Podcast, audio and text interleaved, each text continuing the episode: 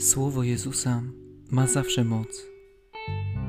Nawet wtedy, gdy jakiś fragment Ewangelii wydaje się nam być znajomy i jasny, to ten niby oczywisty tekst może niespodziewanie zmienić nasze życie. Dzisiaj słyszymy Chrystusa, który mówi właśnie o swojej potędze. Wielkość jest we wszystkim, co pochodzi od Pana i do Niego należy.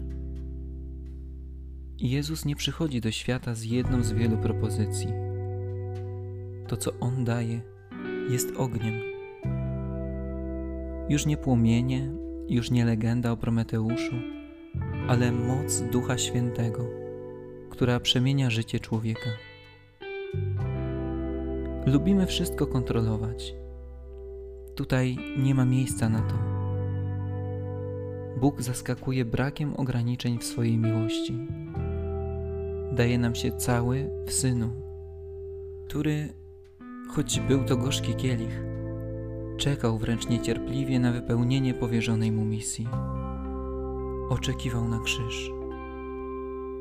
Wielka cena, jaką jest cierpienie, staje się udziałem każdego, kto uwierzy w Chrystusową naukę i czyny. Nie chodzi o to, aby na siłę skłócić własną rodzinę i usprawiedliwić to Ewangelią.